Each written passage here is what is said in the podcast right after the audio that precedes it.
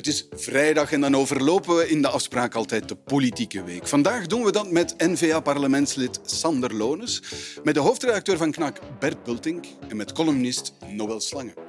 Welkom bij de afspraak op vrijdag.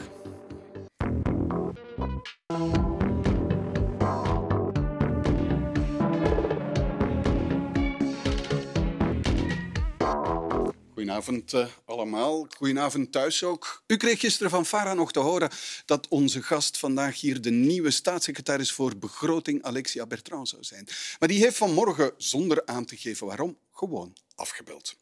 Maar goed, Noël Slange, goedenavond. Ik heb niet afgebeld. Nee, u zit hier, waarvoor dank. En u draagt de pin van de warmste week.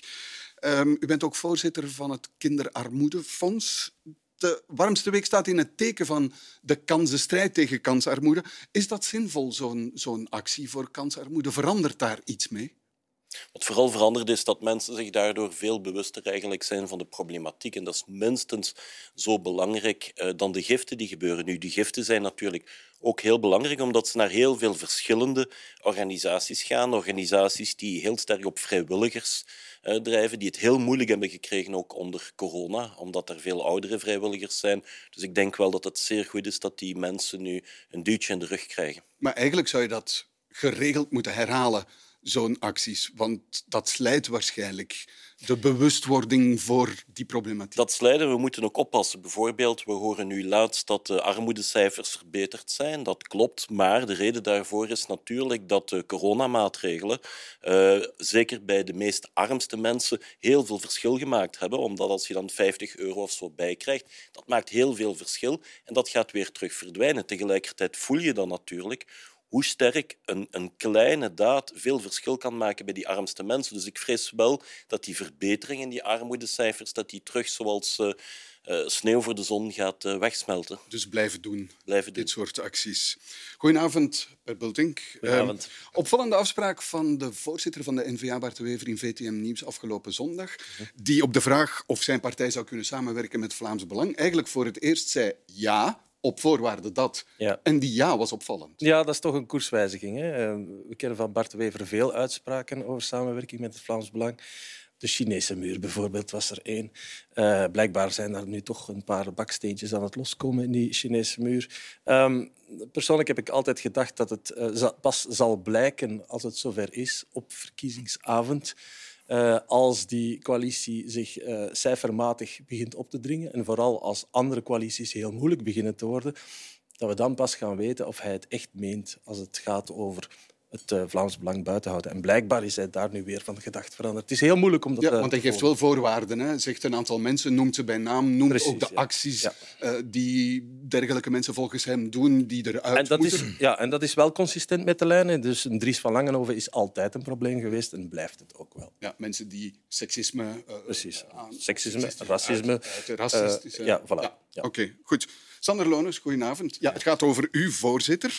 Bent u voor samenwerking met uh, Vlaams Belang in 2024 als het zich materialiseert de avond van de verkiezingen? Goh, ik, ik, denk dat Bart een aantal juiste uitspraken heeft gedaan die ik ook deel. Als democraat moet je altijd respect hebben voor de kiesuitslag en moet je altijd openstaan om, om samen te werken met correcte mensen. Uh, en ik denk dat dat is wat, uh, wat Bart nog eens heeft herhaald, dat wij openstaan om samen te werken met correcte mensen. Maar zolang niet correcte mensen in een partij zitten, is het nee? Moet ik het dan zo begrijpen? Ja, ik denk dat de voorwaarden duidelijk gesteld zijn. De reactie trouwens van de voorzitter van, van uh, Vlaams Belang, Tom van Grieken, vond ik eigenlijk veel sprekender.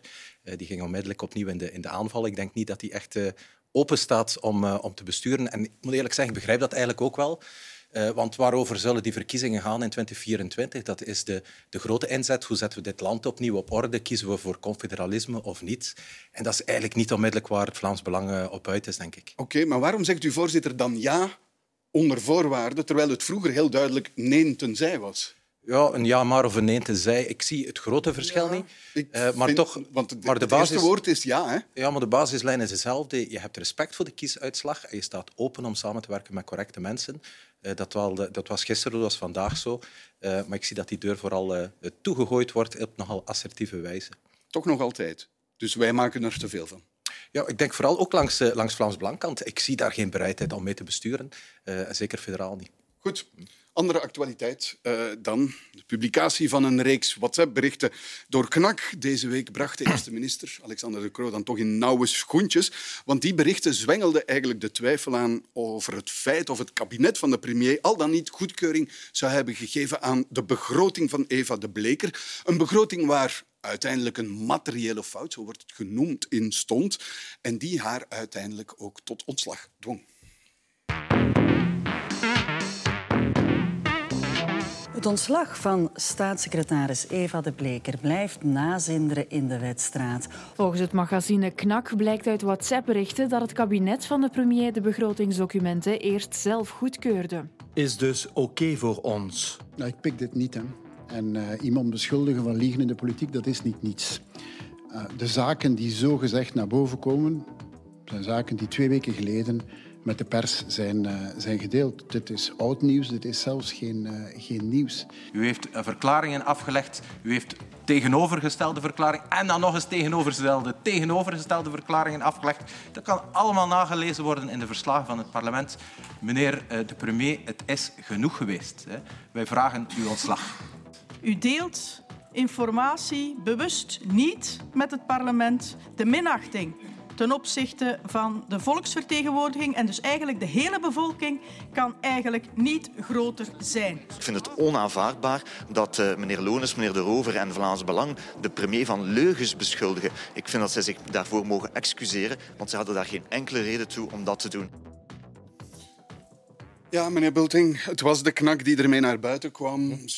Iedereen wist ongeveer dat ze wel bestonden, maar wat staat er eigenlijk in die berichten? Ten eerste, het is niet waar dat iedereen wist dat ze bestonden. Uh, sommige journalisten hadden een deeltje, een deeltje dat uh, zorgvuldig geselecteerd werd door uh, de premier zelf en die dus eigenlijk niet het hele verhaal gaven. Dus waarover gaat het? Het is eigenlijk heel simpel. Um, uh, premier De Croo zegt dat er een materiële fout, een fout is gebeurd door de staatssecretaris. En dat is niet zo. Dat is aantoonbaar niet zo. En wij hebben de documenten om dat aan te tonen. Dat is begonnen deze week met Ewald Pironet, krakjournalist, die de WhatsApp-berichten, maar dan helemaal heeft gepubliceerd. Aan, aan, geen fout, namelijk er is wel goedkeuring gegeven door het kabinet Precies. van de eerste minister op die zogezegde foute begroting. Ja, ja, precies. En het eh, finale bewijs daarvan zit in die WhatsApps. Dat hebben wij gegeven. De premier was niet onder de indruk, probeerde zich eruit te wurmen. Um, en zei van, ja, goh, uh, jullie dommerikken, jullie denken toch niet dat zo'n begroting met WhatsApp-berichten wordt beslist. Eigenlijk is dat wel zo. Wat gebeurt er? Er worden teksten uitgewisseld tussen uh, verschillende uh, uh, departementen, tussen verschillende kabinetten. En dan op een gegeven moment, ja, wat er wel vaker gebeurt, wij journalisten doen dat ook, hè, je stuurt teksten naar elkaar, opmerking, opmerking. En voor het naar druk in druk gaat, ga je toch nog even bellen of een WhatsApp-bericht sturen. Wel, dat zijn die WhatsApp-berichten. Dat is dus de, de, berichten die gestuurd zijn vlak voordat het naar druk is gegaan. Um, bon, dan zegt de Kroo van nee, ja, dat is heeft nul en geen waarde. Ja, nee, de premier zegt, je doet dat via geëikte kanalen. Ja, voilà. Je doet dat niet via een WhatsApp-bericht. Zij zegt van, er is heel duidelijk gecommuniceerd dat er een fout stond in die begroting via de geëikte kanaal. Dan hebben wij gewoon gevraagd, geef dan die geëikte kanalen. Leg ze dan bloot. Geef ze, uh, uh, leg ze op tafel. Doe dat gewoon in volle transparantie. Dat gebeurde niet. Wat een beetje vreemd was. Een beetje raar dat als je dat dan toch hebt en je zegt van ja... Maar u hebt ze intussen wel. Maar vandaag, vanmiddag, heeft opnieuw Ewald Pironet die communicatie via de geëikte kanalen, uh, dat is dan het zogenaamde leescomité, uh, die, uh, al het materiaal hebben we nu wel en dat staat op de site van KNAK.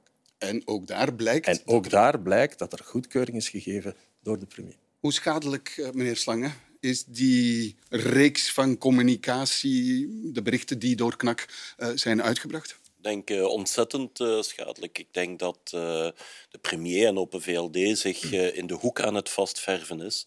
Namelijk dat eens als je begint met zo'n klein ding. Dat is alsof je aan een koordje trekt van, van een trui en die trui rafelt helemaal uit. Ja. En hoe meer men blijft trekken, hoe meer er eigenlijk uitgerafeld wordt. De premier zegt wel, het zijn oude koeien die uit de gracht worden gehaald. Ja, maar je zit hier, eh, wat hier een probleem is, is eigenlijk een opeenvolging van elementen die eigenlijk uh, de geloofwaardigheid aantasten van de premier en zijn partij. En dat is eigenlijk het probleem. Moest hij nu in het begin gezegd hebben van ja, even de Bleker en ik, we kunnen, we kunnen nog wel een pint drinken, maar we werken eigenlijk slecht uh, samen. Ik heb iemand ontdekt waar ik veel meer in geloof. Zelfs die, die fout die Sander Lones, de verschillende fouten die uh, meneer Lones eruit gehaald heeft, wat trouwens schitterend oppositiewerk was, op het ogenblik dat je zegt van dank u, dit hebben we over het hoofd gezien, dan is dat weg. Mm.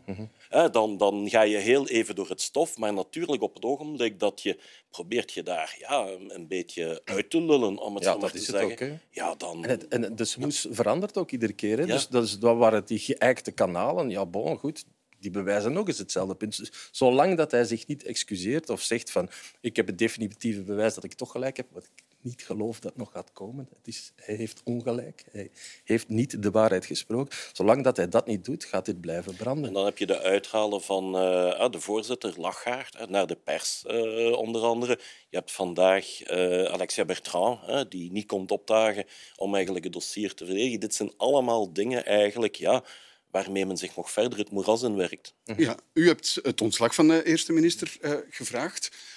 Bent u zeker? Ik bedoel, kan het niet zijn dat er toch nog iets achter zit waarmee de eerste minister uiteindelijk wel zijn gelijk zal kunnen bewijzen? Ja, nee. Uh, hoe, dat hoe kan u daar zo zeker van zijn? Ja, omdat eigenlijk we, de, de, de vraag is veel fundamenteler. Uh, de vraag is, uh, het, het, staat zwart op wit. Hè. We hebben de WhatsApps, we kunnen nu ook lezen wat er in de e-mail staat. U heeft die, mm -hmm. het parlement heeft die nog altijd niet. Maar, die maar je bent toch nooit zeker dat je alles hebt en dat er misschien toch nog elementen zijn ja, die dat, uiteindelijk het gelijk het, van de eerste minister Maar dan komt toch de vraag naar boven, toon het dan. Ja, maar dat is het punt dat ik wil maken. Dus wij krijgen niks. Ik heb acht keer in het parlement die documentatie gevraagd. Aan journalisten is selectie gegeven. Dus uh, het siert inderdaad uh, de knak dat zij alles heeft boven, boven tafel gekregen. En hebben we nu ook de totaliteit van het dossier zien. Maar eigenlijk draait het daar zelfs niet over. Het draait over een premier die uh, doelbewust van verhaal op verhaal springt onwaarheden op andere onwaarheden stapelt, zegt dat iets niet bestaat terwijl het dan ogenschijnlijk wel bestaat. Ja. Dat is gewoon niet correct. Het gaat over een vraag over geloofwaardigheid. Je kan niet in een parlement zeggen er bestaan geen WhatsApp-berichten en als ze dan verschijnen zeggen ja, maar die WhatsApp-berichten gaan over iets anders. Je kan op dat moment niet zeggen ja, maar kijk, ook die WhatsApp-berichten zijn niet... Het, je moet kijken naar de geëikte kanalen. Als wij die dan vragen, dan krijgen we die informatie niet te zien. Als die informatie dan toch bestaat, dan staat er weer een ander verhaal in. De premier heeft gewoon een gigantisch geloofwaardigheidsprobleem probleem. Okay. En het is dat wat wij kunnen missen in de economische storm waar we Dat waar snap we ik. Bij de VLD en ook bij de, het kabinet van de eerste minister zegt men u doet aan ongefundeerde stemmingmakerij en aan verdachtmakingen. Ja, zwart op wit. Zwart op wit kan nu iedereen nalezen. En wat ik trouwens in de commissie ook heb gemotiveerd. Ik begrijp, voor de mensen zijn die WhatsApps het plezantst, hè, want dat kennen we allemaal. We hebben allemaal een gsm, we weten wat dat is. Maar toen al in de commissie heb ik erop gewezen. Het nieuws zit hem niet zozeer in die WhatsApp-berichten, maar in de e-mails van het leescomité. Eh, want die verhalen doen de ronde in de wedstraat. We horen dat die bestaan. En nu zijn ze ook helemaal boven water gekomen. Dan kunnen we ze nalezen. En daar staat het in. Daar staat in dat de premier gewoon zelfs niet gevraagd heeft aan Eva de Bleker om de teksten te wijzigen, terwijl hij in het parlement meermaals ook aan mij gezegd heeft dat hij dat wel gedaan heeft, op zeer stellige manier. Dit gaat zelfs niet meer over een cijfer in een tabel. Dit gaat over een premier die flagrant liegt. En dat, zijn woorden, en dat zijn woorden die ik niet lichtzinnig gebruik. In de politiek is dat denk ik het zwaarste wat je kan zeggen. Ik ken de documenten niet, maar hoe groot is de kans dat bijvoorbeeld zijn kabinet in de fout gegaan is? Wel, zijn het persoonlijke berichten van hem? Of nee, het zijn geen persoonlijke berichten van hem. Maar nu, dan, uiteindelijk... dan blijft hij ook verantwoordelijk. Precies, dan blijft hij politiek verantwoordelijk. Hè? En um... het is trouwens ook vice-minister uh, van Quickenborne die heeft getekend. Hè? Dus uh -huh. zijn partijgenoot. En andere vice-ministers ook. Hè? Dus het is, ze hebben het allemaal gezien. Meneer Bulting, want u, u, uw tijdschrift um, heeft de premier ook van liegen beschuldigd. Ja. Leugenaar uh, genoemd. Hij was daar niet van gediend. We hebben het woord leugenaar niet gebruikt, maar inderdaad. We hebben gezegd dat hij de waarheid niet... Letterlijk gezegd, ik pik dit niet. Nee, ja, goed. Dat, uh, toon hem. Uh, la, laat dan zien dat je gelijk hebt. Laat dan zien dat je de bewijzen hebt. En die zijn er gewoon niet. Dus keer op keer probeert hij mis te spuien, probeert hij de vis te verdrinken, probeert hij naar technische, moeilijke, complexe dossiers, zodanig dat de, de man in de straat denkt van god, het is veel te moeilijk, het interesseert mij allemaal niet meer. Uh, Passons, we gaan naar het volgende. Dat is waar hij hoopt, maar iedere keer opnieuw, zolang dat hij dat niet uitklaart, gaan er eh, documenten opduiken die tonen dat hij ongelijk heeft. Dus excuses volstaan niet meer, zoals meneer Slange uh, in, op een bepaald moment suggereerde in, in de lijn. Het gaat nu wel degelijk, u blijft het ontslag vragen. Ja, absoluut zo. Absoluut. We hebben die discussie gehad in de, in de Kamer. We hebben absolute transparantie gevraagd, omdat dat het enige is wat de premier kan redden om zelf met die documenten naar het parlement te komen. Zelf, ik zelf zijn excuses aan te bieden, de facto. Niet in het minst in de eerste plaats denk ik aan mevrouw De Bleker. Eh, de premier en vooral de meerderheid heeft beslist om dat niet te doen. Uh, vandaag zien we dat er opnieuw cijfers en feiten op tafel komen. Dat is gewoon echt niet correct. En ik wil toch kort even inpikken ook op die discussie. Ja, maar heeft de premier dat zelf gedaan of zijn kabinet? Uh, je bent natuurlijk absoluut verantwoordelijk voor, voor uw kabinet. En dat is wat, uh, wat mij, denk ik, persoonlijk wat het meest gestoord heeft deze week, is de uitspraak van Magie de Blok, die op een bepaald moment zei ja, maar mevrouw de Bleker zou moeten komen uh, en zou zelf de premier uit de wind moeten zetten, waarmee zij eigenlijk verwacht dat mevrouw de Bleker haar eigen kabinetsmedewerkers onder de bus zou gooien. En dat is totaal onbetamelijk. de, de, de man die dit alles aan het rollen heeft gebracht, zat op het kabinet van Eva de Bleker, is iemand met twintig jaar ervaring bij de Nationale Bank. Een absolute... Een oud kabinetsmedewerker, Chris van Kouter, ja, lid van de Nationale Bank voilà. of medewerker van de Nationale voilà. Bank. Absoluut top-expert, weet waarin bezig is. Dat zijn mensen die zich dag en nacht inzetten voor het algemeen belang, die dat zo correct als mogelijk wensen te doen in een uitdagende context die de politiek is. Uh, dat, dat besef ik ja. helemaal. Uh, maar verwachten dat een staatssecretaris die eerst zelf onder de bus hebt gegooid, dat die vervolgens ook haar eigen kabinetsmedewerkers onder die bus gooit, dat is gewoon totaal onbetamelijk. Ja, meneer Slange, uh, want u u verwees daarnet ook, men heeft zelfs, Egbert Lachart hier in de studio, de media aan, aangevallen. Goede reactie van de Open VLD? Ik denk dat er uh, wat blinde paniek is. Uh, en dat men de dingen ook niet om een rij heeft. En dat is ook de reden waarom ik mij afvraag wie weet wat. Uh, ook binnen dat kabinet, binnen uh, die, die partij, omdat je voelt daar eigenlijk ja, een soort blinde paniek. En op dat ogenblik doe je eigenlijk alles wat, wat je fout kunt doen. Ja. En meneer Bulting valt wel op de Open VLD staat helemaal alleen in de verdediging van de eerste minister. Er is geen andere partij die op dit moment de eerste minister bijspringt. Maar ook geen andere partij die de eerste minister aanvalt. En dat is natuurlijk wel belangrijk, ook in zo'n vraag om ontslag. En er is een zeer groot verschil tussen een vraag om ontslag van de oppositie dan uh, zelfs maar een kritische bemerking uit de eigen meerderheid. Ja. Mm -hmm. En denkt u dat die houding blijft met wat u nu hebt uitgebracht? Ik, ik denk het wel, eigenlijk. Ik denk dat hij er zich opnieuw zal uitwurmen. En, en nog eens, hè, omdat het zo complex is, omdat het een, een, een zeer technische kwestie is. Uh, Ewald Pironet en, en, en, ik zijn er een hele week mee bezig geweest. Je moet echt je hoofd erbij houden om te snappen, uh, om door die mist heen te kunnen kijken. Maar iedere keer weer blijkt dat het gewoon niet klopt wat hij zegt. Ja. Wat ik daar zo bijzonder schadelijk aan vind, is Um, ja, het gaat natuurlijk over die WhatsApps en het gaat over de e-mails, maar als je even meer naar buiten kijkt, dan gaat het over de gigantisch slechte begroting van dit land. Hè. Dat is de absolute essentie. Maar daar die... gaat het nu te weinig over, voilà. vind ik. Dus... Want daar zit eigenlijk een veel, veel groter probleem dan, dan Absoluut. dit gegeven. Absoluut. En het is dat punt dat mij het meeste stoort. Uh, we weten dat het, dat het gigantisch is. Hè. We hebben de allerslechtste begroting van gans Europa. Uh, als je de WhatsApps en de mails uh, kan, kan zien, dan, dan zie je dat die put nog groter is. Um, en wat mij stoort, is dat wij dat allemaal weten. We weten dat we voor een gigantische berg staan van schulden, van tekorten, van belastingen ook. En we weten ook dat we daarover moeten geraken. En dat is de taak van de Hanse politiek.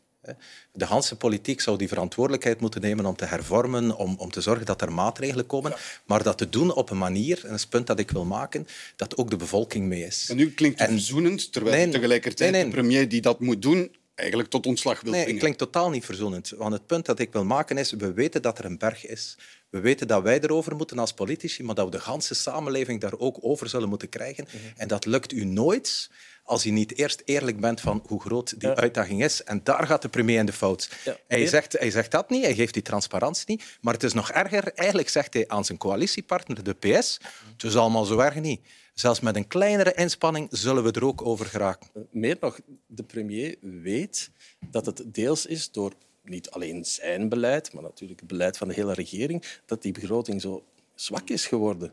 Hij heeft eigenlijk, en dat, is, hebben verschillende media gebracht, dat hebben wij ook gebracht. Gert Peersman, de econoom bijvoorbeeld, heeft dat gezegd. Als het gaat over de maatregelen die zijn genomen na corona, daar is eigenlijk een consensus over dat dat goede maatregelen waren. Als het gaat over de maatregelen die zijn genomen naar aanleiding van de energiecrisis, dan is er eigenlijk een consensus over heel veel economen, over heel veel watchers, dat die eigenlijk niet goed zijn, dat die veel te gul zijn geweest. En vooral de, de, de middenklasse en de hogere middenklasse hebben bediend op een manier die eigenlijk niet nodig was. Dus hij weet heel goed, hij is daar ook op aangevallen, persoonlijk ook, want hij is tenslotte het gezicht van de regering. Hij weet heel goed dat dat niet helemaal goed is gelopen en dat dat de put nog veel dieper heeft gemaakt. En dan word je natuurlijk zenuwachtig als er een klein foutje is ergens. Ja. En dat, dat heeft reden... te maken met de ideologische samenstelling en de druk aan de linkerzijde in die regering. Ook met de versplintering van ons politiek landschap. Ik denk dat uh, in dat opzicht verwacht ik eigenlijk van de coalitiepartners hier weinig problemen voor de premier. Waarom? Omdat ten eerste voor de coalitiepartners is het niet erg als Open VLD kleiner wordt of problemen heeft. Tegendeel. En, uh, een tegendeel. En ten tweede, we zitten hier inderdaad met een coalitie waar niemand eigenlijk iets moet opofferen. Mm -hmm. En iedereen de eigen achterban, en die achterban situeert men vooral in de middenklasse, zelfs hè, de maatregelen waar de PS voor gaat zijn ook middenklasse georiënteerde maatregelen. Men maakt geen keuzes en men heeft zoiets van oké, ik maak het u niet moeilijk als jij het mij niet moeilijk maakt. Mm -hmm. En dat is zo'n beetje de situatie waarin we zitten. En veel te veel geld uitgeven. Ja, omdat er geen keuzes gemaakt wordt. Het is helemaal niet gesegmenteerd. Men geeft geld aan mensen die het niet nodig hebben. Ja, meneer Lones, want de regering gaat niet vallen, de eerste minister gaat geen ontslag nemen. Ja, wat hebt u dan bereikt eigenlijk? Ja, ik hoop vooral dat de urgentie naar boven komt. We staan eigenlijk voor een uh, bijzonder... Maar, bijzonder... Maar denk, u hoopt dat, maar denkt u dat u iets zal veranderd hebben? Ja, ik merk... De regering gaat waarschijnlijk de bladzijde omslaan en gewoon verder gaan. Ik merk dat we hier in de studio aan het praten zijn over de begroting. Voor jullie is dit nieuws. Ik doe dit al twee jaar in het parlement. We hebben dit jaar de begroting vijf keer gewijzigd in de Kamer. Ik heb geen enkele keer in een studio gezeten. We hebben vijf keer de begroting gewijzigd. Daar is ongeveer een 6, 7 miljard extra uitgaven bijgekomen. Vandaag praten wij over de begroting en iedereen praat erover. En de brug die we inderdaad moeten maken, en daar heeft meneer Slange gelijk, wij moeten nu, uh, het punt van de, de geloofwaardigheid van de premier is duidelijk. Ik hoop dat daar lessen uitgetrokken worden en consequenties aangebonden worden. Maar die kunnen niet alleen gaan over de premier, die moeten gaan over de totaliteit van de oefening. En dat is de begroting. En daar zit, uh, daar zit het probleem. Want de premier heeft zich geëngageerd om in het voorjaar te komen met een gans pakket hervorming op vlak van pensioenen arbeidsmarkt, op vlak van fiscaliteit ook. Uh, maar hij zou dan de trekkende kracht moeten zijn van dat verhaal. En ja, zijn gezag is uh, volledig wat, ondermijnd. Ik, ik, wat gaat er veranderen? Want, ja. Ik vind het een grondig foute redenering om te zeggen dat omdat de premier geen ontslag gaat nemen, dat dit allemaal zinloos was. Mm. Ik zou zelfs zeggen het omgekeerde.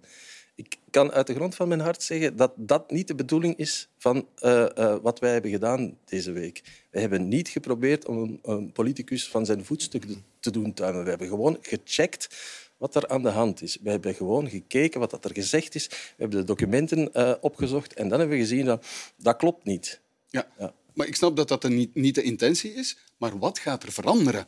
Als iedereen blijft zitten, men de bladzijde omslaat en gewoon in de coalitie met zeven partijen zo. verder werkt. Voorlopig vrees ik dat er inderdaad die... niet veel gaat veranderen. Nee, maar... want de partijen zijn ervan overtuigd dat 100 euro meer of minder voor een middenklassegezin op een energiefactuur of elders belangrijker is dan miljarden uh, die... Ja, putten die in de toekomst zullen moeten. En dat is natuurlijk wel een probleem. Uh, het probleem is wel dat ook de bevolking onvoldoende begrijpt dat een problematische begroting eigenlijk een hypotheek is en een rekening die zij of hun kinderen later zullen moeten betalen.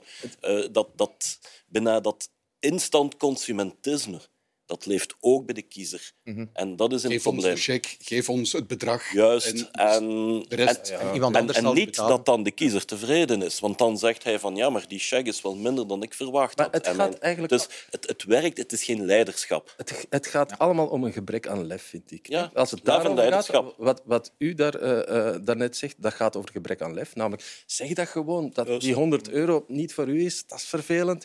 Maar ik denk dat de gemiddelde kiezer daar nog wel mee om kan. En dit wat nu ook is gebeurd, is ook een gebrek aan lef. Omdat je al zo heel angstig bent, probeer je je aan, aan alles vast te klampen. Probeer vooral geen fouten te maken. Niet te zeggen dat je uh, een, een, uh, ergens uh, ja, uit de bocht bent gegaan. Terwijl, zoals u daarnet al zei, als hij dat gedaan dan was er geen enkel okay, probleem. Goed, het was... Uh, als, ik, als ik even ma nee, wat, wat ik uh, denk, ik denk wel dat iets zal veranderen, of ik hoop het toch, uh, omdat we moeten veranderen van narratief. dit land hervormt niet en hoe ging dat in het verleden? Dan zeiden we Europa zal ons dwingen. Intussen lukt dat niet meer. Deze regering heeft zelf een pensioenhervorming beloofd aan Europa en ze, ze levert die niet af. De tweede narratief was, ja, maar als Europa het niet doet, zullen de financiële markten het doen. Ook dat is veranderd. De Europese Centrale Bank voert een gigantisch laks beleid, waardoor ook daar de druk eh, ver vermeden is.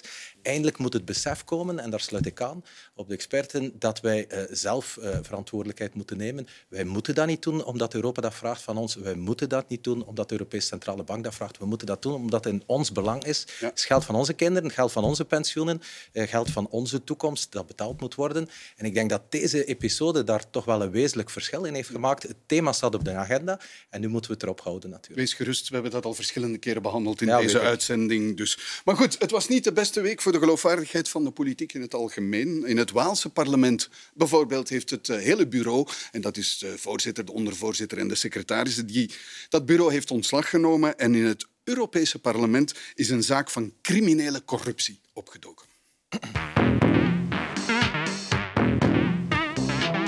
Er hangt een grote donderwolk boven het Europees Parlement. Want het corruptieschandaal dat vrijdag aan het licht kwam... dankzij onderzoek van de collega's van Le Soir en Knak... wordt groter en groter. Dat is toch redelijk uitzonderlijk. En bij mij weten ook de eerste keer in de geschiedenis van het Europees Parlement dat dit gebeurt. Vrijdag zijn er een zestiental huiszoekingen gebeurd in het Brusselse. En toen werden er ook al een aantal bureaus van parlementaire medewerkers bevroren. En nu zijn die huiszoekingen ook uitgevoerd uh, op die bureaus die verzegeld zijn. In de nasleep van de corruptiezaak in het Europees Parlement is Eva Kaili uit haar ambt als vicevoorzitter gezet. In het onderzoek naar corruptie in het Europese parlement zijn vanochtend vier verdachten voor de raadkamer verschenen in het Justitiepaleis van Brussel. De vier worden verdacht van corruptie, witwassen van zwart geld en het deelnemen aan een criminele organisatie. I cannot say this will never happen again. This is criminal corruption, but I will make sure that everything is in place to make sure the parliament is not for sale. Thank you. Thank you.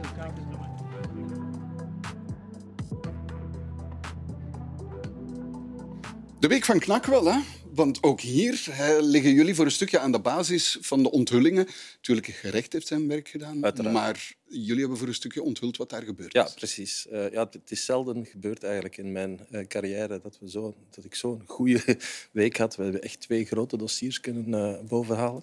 wat is er gebeurd in, in, in Qatargate, zoals het ondertussen is gaan heten? dus knakjournalist Christophe Klerix heeft samen met twee journalisten van Le Soir op vrijdag uh, um, bekendgemaakt dat er eigenlijk een soort van criminele organisatie aan het werk is in het Europees Parlement, voortgaande op het onderzoek uh, van het parket in Brussel.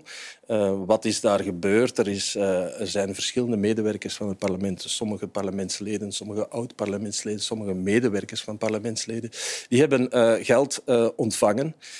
althans, daar worden ze van verdacht. We moeten altijd met twee woorden spreken, maar het bewijsmateriaal is zo overtuigend ja, dat we beelden, eigenlijk... De beelden van het anderhalf voilà. miljoen euro... Voilà. Dus dat is in beslag genomen. Maar ik heb geen 500.000 euro in mijn uh, living liggen. U waarschijnlijk ook niet. Uh, dus daar is zeker iets aan de hand. Uh, de spil in, in, in heel het web zou een zekere Pier Antonio Panzeri zijn.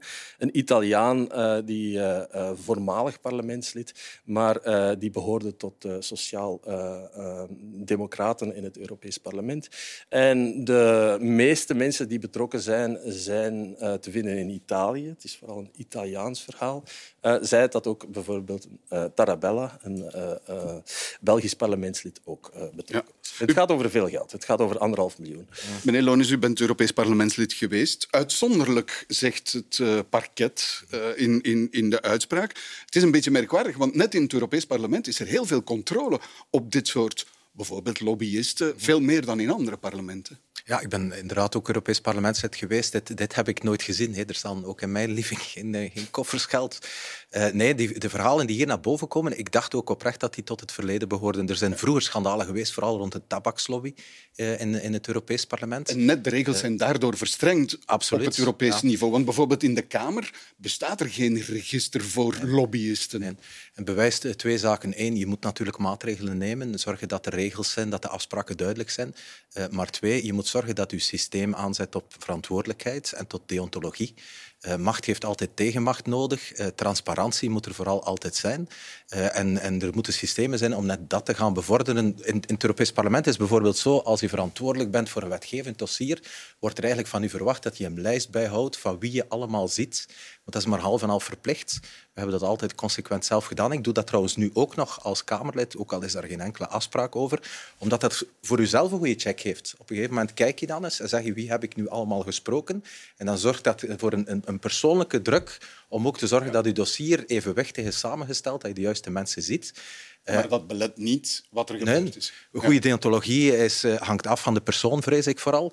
En dat, uh, daar zijn dus blijkbaar toch wel wat, wat ernstige fouten gebeurd. Ja, het is opvallend. Net het, het, niveau dat er het meeste aandacht voor heeft, krijgt eigenlijk de grootste verwijten en zit met het grootste schandaal is ook het, uh, de belangrijkste assemblee. Wat betekent natuurlijk dat de belangen ook het grootst zijn. En op het ogenblik dat de belangen het grootst zijn, zijn de sommen ook het grootst. En dat zul je natuurlijk uh, daar, uh, daar hebben. Wat we natuurlijk wel moeten vaststellen is uh, ten eerste dat dat uh, een ongelooflijke stommiteit ook van Qatar is. Mm -hmm. Om, omdat wat we merken is dat als een land om zijn gelijk te halen uh, mensen in stukjes begint te snijden, dan raakt men daar gemakkelijk mee weg.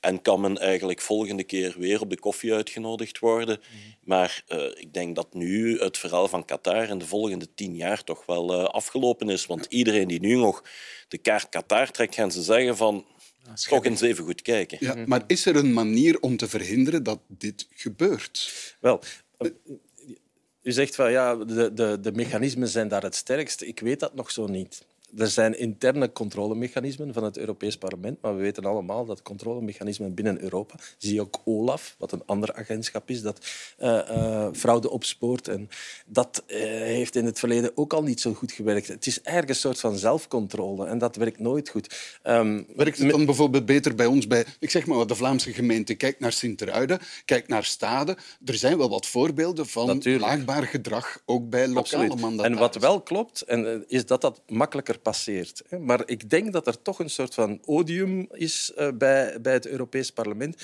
Uh, mensen hebben het gevoel dat dat een grote machine is waar heel veel geld in omgaat, die ook zeer ondoorzichtig is. Hè. Bij, bij een, een, een, lokaal politicus, die kennen ze tenminste nog. Dat, hè, bedoel, maar het Europees Parlement, de Europese Commissie, dat is een gigantische bureaucratie. Uh, en dat speelt mee, denk ik. Uh, dat, dat, daar, daar ontstaat toch zoiets van, wat, wat gaat er allemaal in rond? En ik denk ook dat dat een deel van het probleem is. Het Europees Parlement, het is machtig, maar wat doet het? Weten veel mensen dat? Ik ben het eens. Ik denk aanvullend wel het, uh, het opgeladen eigen verwachtingspatroon. De Europese Unie en, en het parlement is altijd, staat altijd op de eerste rij om, om het goede voorbeeld te tonen, wat, ja, het vingertje in de lucht te zeggen hoe het allemaal beter kan. Uh, en dat, dat verhoogt natuurlijk ook wel uh, de context en de druk. En als u dan niet voldoet aan uw eigen verwachtingspatroon, ja, dan is dat extra pijnlijk natuurlijk. Ja, um is socialisme een rode draad? En ik neem gewoon het Waalse parlement uh, erbij, waar je een voorzitter hebt van het Waalse parlement, waar toch ook wel wat vragen rond te stellen zijn rond dure reizen en weinig controle op een uh, griffier. Is dat een rode draad in dit geheel? Of zegt u nee? Dat, dat durf ik niet zeggen. Dan zou je alle zaken en zo op een rij moeten bekijken. Het is wel zo dat hoe moet ik dat zeggen? Uh, op het ogenblik dat een socialist is, dat men sneller zegt, ja, ja, het is een socialist. Mm. Uh, je zou op, voor hetzelfde geld kunnen zeggen dat christen-democraten sneller overspel plegen, voilà. omdat het meer opvalt. Ja. maar of dat zo is, dat zou je echt allemaal op maar rij moeten het, het, beantwoordt wel aan een cliché. Ja, vandaar zeker, dat zeker het opvalt, omdat het aan een cliché wel, We hebben bijvoorbeeld hè, de meest uh, bekende, denk ik, corruptiezaak in, in, in België is Augusta. De, mm was ook Italië en dat waren ook socialisten. Dus bon, het is een cliché, maar ik ben het volledig eens met, uh, met wat meneer Slange zegt. We zouden dat zomaar zeggen dat het bij de socialisten vaker voorkomt. Dan zou ik eerst een statistiek ja. willen voorzien. Is uw partij immuun voor dit soort praktijken? Ik denk dat niemand immuun is. Hè. Misschien kort over het Waalsparlement. Ja, laten we een aantal voorbeelden. Je hebt Kucham gehad. Um, ja, daar, ja. daar doet toch wel bijzondere vreemde analyses rond. De feiten die daar naar boven zijn gekomen, zijn uh, naar boven gekomen nadat wij al uit de regering werden, uh, zijn gestapt. Uh, er zijn onmiddellijk, was een mandataris zijn, van, van uw partij. Ja maar, zijn, ja, maar er zijn onmiddellijk ja, voilà, strafrechtelijk onderzoek gedaan. Ik wil gewoon het punt maken dat het kabinet daar volledig is, is vrijgesproken. Ja. Maar je ziet inderdaad dat mensen Het, het fornuis in, in, in Antwerpen, wat, wat, wat daar blootgelegd is, het is, geen enkele partij is immuun voor dit soort praktijken. Ja, maar nu maakt u wel uh, bijzonder, bijzonder vergelijkingen tussen wat in het Europees Parlement gebeurt is en een aantal lokale zaken, waarmee ik niet wil zeggen dat, uh, dat dat niet belangrijk is. Ik denk, vandaar dat ik zeg, je moet twee zaken doen uh, um, uh, uw eigen ethiek, maar ook wel kijken dat u het systeem aanzet tot. Lokaal bijvoorbeeld lijkt mij een evidentie dat wij afspraken zouden moeten kunnen maken dat wie uh, aan lokale politiek doet, geen economische IMO-praktijken doet in zijn eigen gemeente. Dus vandaag, naar ik begrijp, geen afspraak. maar dat lijkt mij logisch dat we, dat we dat wel doen. Als je bijvoorbeeld kijkt, om het, om het even terug te brengen naar, naar het Waalsparlement, daar zie je dat het klassieke probleem was te weinig transparantie en te weinig tegenmacht. Dat zou op elk niveau moeten zijn. Ik denk, bureau van het Waalsparlement, daar zaten alleen de partijen van de, van de meerderheid Klopt. in, ja, dan, dan weet je dat, dat je een systeem opzet dat de, dat de risico's inhoudt elk niveau, elk, elk macht heeft tegenmacht nodig. Lokaal, uh, bovenlokaal, Europees. Uh, vanaf het moment dat dat niet gebeurt, dan, uh, dan, dan zit er gewoon en, fouten en, in en het daarom systeem. is het zo belangrijk dat er transparantie is. Want dan kan ja. de journalistiek ook zijn werk doen. En bijvoorbeeld als het gaat over bijvoorbeeld, ik noem die bouwschandalen, hè, dan is het heel moeilijk. Hè, u verwees zelf naar het fornuis daar. Bon, er zijn dingen gebeurd. Dan is het heel moeilijk voor de pers om daar alle informatie over te krijgen, omdat dat toch afgeschermd wordt. Dus um, ik, ik, ik hoor soms mensen uh, zeggen van ja, er is te veel transparantie. Ik, ik denk het eigenlijk niet. Ik denk iedere keer dat een politicus een, een, een, wet of een voorstel om meer transparantie te krijgen tegenhoudt, dan is er iets mis. Is de conclusie niet, het is des mensen en zolang er mensen in de politiek zitten, zul je dit soort fenomenen krijgen en blijven krijgen? Ja, maar ik sluit ook wel aan bij uh, meneer Bulting dat het wel opvalt dat uh, in andere omgevingen waar uh, veel geld omgaat, bijvoorbeeld zeer grote bedrijven en zo, dat het daar ook soms gebeurt, maar dat daar toch veel meer controlemechanismes zijn, waardoor men elkaar veel meer controleert. En dat is nodig in mm -hmm. dit soort zaken. Goed, de kern van de regering heeft zich vandaag, en dat is een derde onderwerp, nog maar eens gebogen over de opvang van migranten. Want elke winter bij de eerste vrieskou voert de regering toch een beetje dezelfde discussie. Huuk, hoe kunnen we vermijden dat de mensen die in Brussel aankomen in de vrieskou moeten slapen?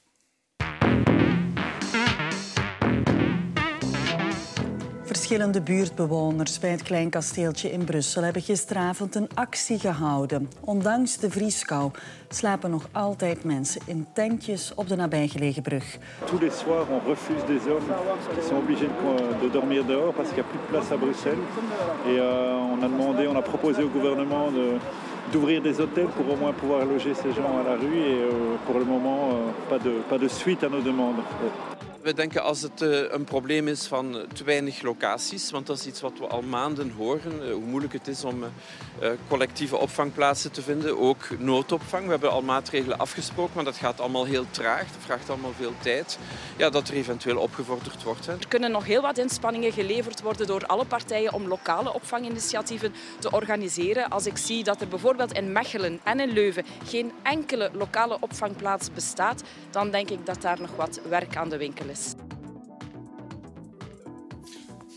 Ja, het is al verschillende keren gezegd, maar het blijft elke keer de eerste vrieskou. En ze blijven op... De, er is geen ja, oplossing voor. Wel, Fundamenteel dan. In principe is er wel een oplossing. Je moet gewoon anticiperen daarop en ervoor zorgen dat er genoeg opvangplaatsen zijn. Deze opvangcrisis is al meer dan een jaar bezig.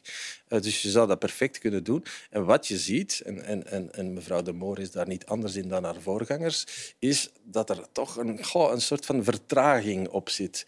En dat komt, denk ik, omdat de politicus, de staatssecretaris in dit geval, dat hij aanvoelt dat daar toch wat spanning op zit op migratie en dat we toch niet zomaar al te makkelijk goed, uh, goede accommodatie willen uh, geven aan, aan, aan die mensen die hier inderdaad in de kou zijn. En pas als het heel erg wordt, als er mensen dreigen te sterven, want daar hebben we het wel over, dan komt er wat schot in de zaak. Dus ik denk, wel dat er, ja, dat er niet alles uit de kast wordt gehaald pas op het laatste nippertje. Ja, want Groen bijvoorbeeld protesteert, maar maakt er ook geen breekpunt van in de regering.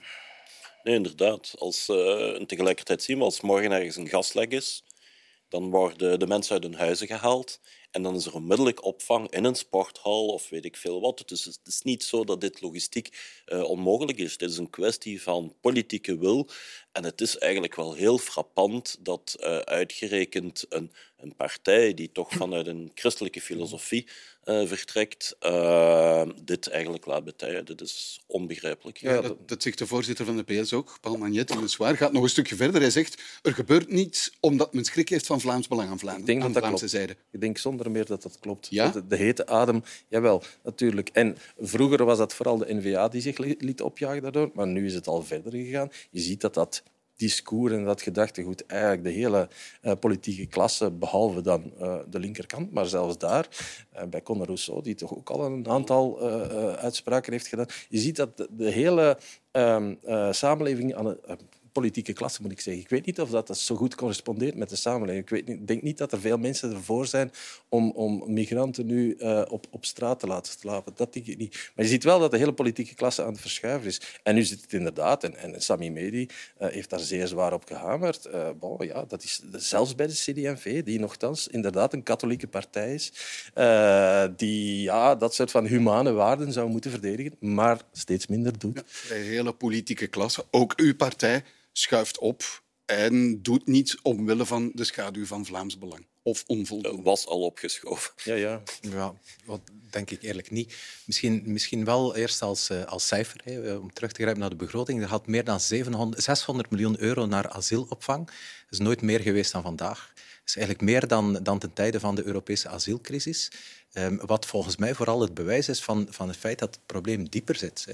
Er wordt door deze regering eigenlijk bijzonder veel geld geïnvesteerd in de asielopvang, maar dan nog is het niet genoeg.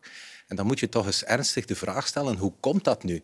Hoe komt dat, dat, er, in, dat er geen, maar hoe komt het dat er geen, geen Europese asielcrisis is, maar wel crisis is in België? En dat geeft uh, eigenlijk maar voor een stuk, maar niet uh, volledig te maken met, en helemaal niet volledig te maken met Oekraïne, omdat die in een apart uh, opvangcircuit is. is trouwens ook een aparte overheid die verantwoordelijk is. Ja, maar als voor, het gaat voor, over kosten heeft het daar wel mee te maken. Hè? Als de kosten oplopen, dan gaat dat over alle vluchtelingen. Hè? Ja, hier praat ik alleen over het opvang van de asielzoekers. Okay. En daar zitten de Oekraïners, okay. zitten de Oekraïners niet tussen. Dus je zit echt, uh, je zit echt met een, een, een asielprobleem, omwille van het feit dat er een politieke keuze wordt gemaakt ja. om eigenlijk niet in te grijpen ook, waar dat zou moeten. Ook uw staatssecretaris heeft daarmee geworsteld. Uh, ja, het, is, het is niet dat uh, het toen allemaal nee. makkelijk ging en dat Europa volledig meeging en het hele asielbeleid toen afgestemd was op elkaar. Nee, absoluut. Ik ben van oorsprong asiel, asiel- en migratie-expert. Ik ben op dienst Vreemdelingenzaken gewerkt. Elke minister heeft daarmee geworsteld. Patrick de Waal destijds, de eerste hongerstakers. Meneer Watley nadien, mevrouw De Blok, Theo Franken ook en nu ook mevrouw De Moor en Sami Medi. Omdat dat precies een domein is waar het publieke belang uh, zeer sterk en scherp kruist met het privaatbelang. Uh, een, individuele, een individuele persoon die nu op straat moet slapen. Uh, wat natuurlijk niets afdoet, ik wil dat toch ook hier eens expliciet gezegd hebben, wat we vandaag zien, is echt schabouwelijk en schandelijk. Hè. Ja, Zinnen met kinderen die op straat moeten dat slapen. we dit niet opentrekken nu Het is geen naar het migratiedebat, van het migratiedebat of open grenzen of niet. Eigenlijk gaat het daar niet over. Dit Het gaat over een opvangcrisis. over opvangcrisis. Pure, humane vraag van laat je eender wie. Ik bedoel, met zo'n temperatuur buiten slapen, eender wie. Ja, en ze staan er hè, op de brug, daar in Molenbeek. En het antwoord, is, het antwoord is duidelijk nee. Natuurlijk uh, mogen mensen niet op straat slapen in deze vrieskou en kinderen al helemaal niet. Uh, en het is, geen, uh, het is een acute crisis die acuut moet worden aangepakt. Maar als beleidsmaker is het onze taak ook wel om, om ruimer te kijken en te zien, is dat op tijd aangepakt? Heeft men in gang, is men op tijd in gang geschoten? Zijn budgetten vrijgemaakt? Ja, dan zie je wel dat daar maar, gigantische maar budgetten maar als worden het huis in brand staat, dan gaat men geen debat voeren over de financiering van Mhm. de brandweer. Uh, op dat ogenblik moet je blussen. Zou, zou het Vlaams niveau misschien iets kunnen doen? Misschien kan uw partij helpen om die mensen van straat te halen. Dat, uh, er zijn verschillende burgemeesters die zeer lokaal zijn. Ook van de Vlaamse overheid wordt daarop ingegrepen. Ik denk dat je daar een Dit zou toch geen spel van oppositie en meerderheid mogen zijn? Nee, absoluut niet. gezegd. Maar ik denk dat je daar wat in een fundamentelere discussie komt. En het is opnieuw, draait opnieuw rond het woordje vertrouwen. Um, Oekraïne, asiel, ze hangen niet helemaal aan elkaar, maar een stuk wel. Wat je ziet is een aantal lokale besturen zijn wat weigerachtig om opvangplaatsen te maken. Soms willen ze wel. Eh, Maar dan weten ze niet goed ja, waar zullen die plaatsen voor gebruikt worden. Gaat dat naar Oekraïners? Gaat dat naar een structurele asielopvang? Het zijn burgemeesters aan wie gevraagd is om plaatsen te maken voor een aantal maanden. eh, plaatsen die nu intussen al jaren open zijn. Dus je zit daar met een fundamenteel probleem. Niemand weet waar het precies naartoe gaat. eh, waardoor ook het engagement om verantwoordelijkheid op te nemen kleiner wordt. En dat zou geen excuus mogen zijn in een crisis, daar ben ik volledig mee eens. Maar het is wel een element waar we rekening mee moeten houden. Maar het komt een beetje neer op wat we daarnet zeiden. hè. Dus alle politici, alle mensen zijn ervan overtuigd dat er iets moet gebeuren. En toch gebeurt er niets. Niet op federaal niveau, te weinig op Vlaams niveau. Het gebeurt gewoon niet. Maar ik denk ook mensen dat die- slapen op straat nu. Op den duur krijg je de buurtbewoners die soep komen, Voilà, komen ja. ja. eh, dus als- de, dus de politiek laat die mensen in de steek totdat ja, nou, echt, echt te erg. Nochtans, de Vlaamse ministers laten zich graag uit over federale thema's. Dus dit is misschien een federaal thema waarop ze kunnen doorgaan. Ja, zullen we eens even een Vlaams minister erbij nemen, Zoualdemir? En ik zei het al, het is de week van eh, Knak, meneer Bultink. Maar ja, inderdaad, eh, ook daar zei de Vlaamse minister dat, eh, en ik citeer uit een interview, de open ruimte en ook onze verzoen, voorzieningen liever op alle vlakken onder druk staan, van de opvangcapaciteit voor eh, vluchtelingen over de bevolkingsgroei tot de veestapel. En dan het zinnetje, het is misschien een rare vergelijking, maar wij kunnen hier ook geen miljoenen varkens houden. Ongelukkige vergelijking? Maar meer dan ongelukkig. Ik vind dat eigenlijk totaal niet kunnen. Eh, en het eh, past in wat ik daarnet aan het zeggen was, namelijk dat er een vergeleiding is. Er is een vergeleiding als het gaat over spreken over migranten en zo. Wordt als, en hier wordt het eigenlijk gewoon echt ontmenselijkt. Ik vind dat eigenlijk echt niet kunnen. Is mevrouw de Mier te ver gegaan?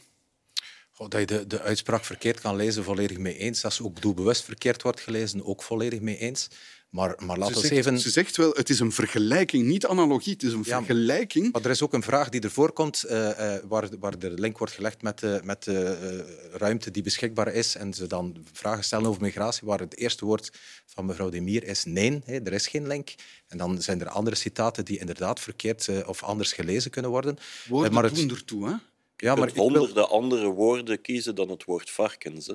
Ja, maar is er nu iemand van jullie die denkt dat mevrouw De Mier oprecht asielzoekers met varkens heeft vergeleken? Ja, Is er vergeleken wel. dat- ik denk niet dat ze dat vindt dat dat varkens zijn. Dat denk ik niet, inderdaad.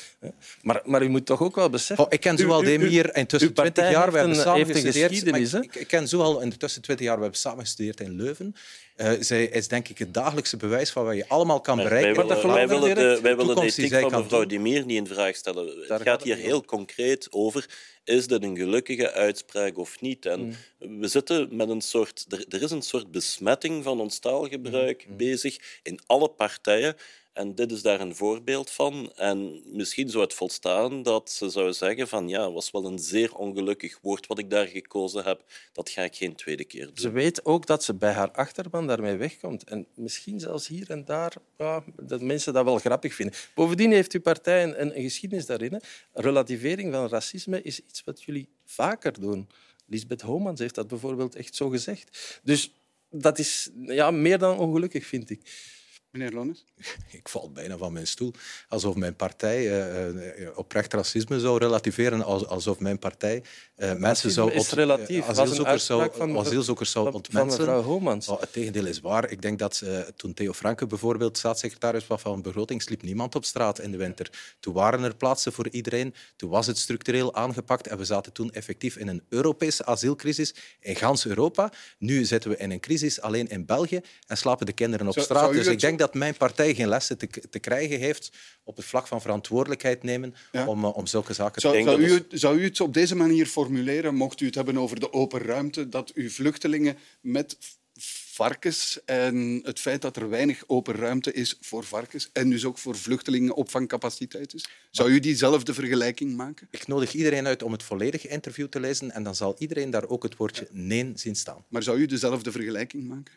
Ik denk dat iedereen het interview eens mag lezen en zal iedereen het woordje nee zien staan. En ik denk dat voor iedereen Maar duidelijk antwoord is... Niet. Zou u dezelfde vergelijking maken? Zou u Ik denk dezelfde niet- woorden in de mond nemen? Maar ik weet niet of dat echt een vergelijking is. Dat is wat er van gemaakt wordt. In de Nee, nee, het is een discussie. vergelijking. Grammaticaal gezien is het gewoon een vergelijking. Ze zegt letterlijk, het is misschien een rare vergelijking, maar we kunnen Ze hier ook geen miljoenen varkens houden. En het gaat in het zin ervoor over opvangcapaciteit voor vluchtelingen. Ik bedoel, Maar ik, ik, ik, ik begrijp heel goed dat het, hè, dat, dat het gedoe over dat woord, hè, dat, dat, dat, als we daar te hard op focussen, dat, dat begrijp ik. Maar het past wel in een vergelijking.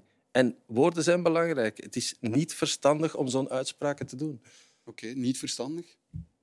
Nee, want eh, je blijft eigenlijk een vergelijking krijgen en de vraag is, waar stopt het? En u heeft daar straks gezegd, en terecht, van het is belangrijk dat we een echt begrotingsdebat kunnen voeren en dat het niet gaat over dat soort dingen. Dit is hetzelfde. Ik denk eerlijk gezegd dat dat vergelijden een slechte basis is om een goed debat te voeren over asiel bijvoorbeeld en over bijvoorbeeld racisme. Ik denk dat dat een debat is dat gevoerd moet worden. Goed, daarmee zijn we aan het einde van deze afspraak op vrijdag. En daarmee is weer een politieke week netjes neergelegd. En zoals altijd dank ik mijn gasten voor de deskundige hulp daarbij. Sander Lones, Bert Bultink en Noël Slange. En u, dames en heren, dank dat u erbij was. En tot volgende week.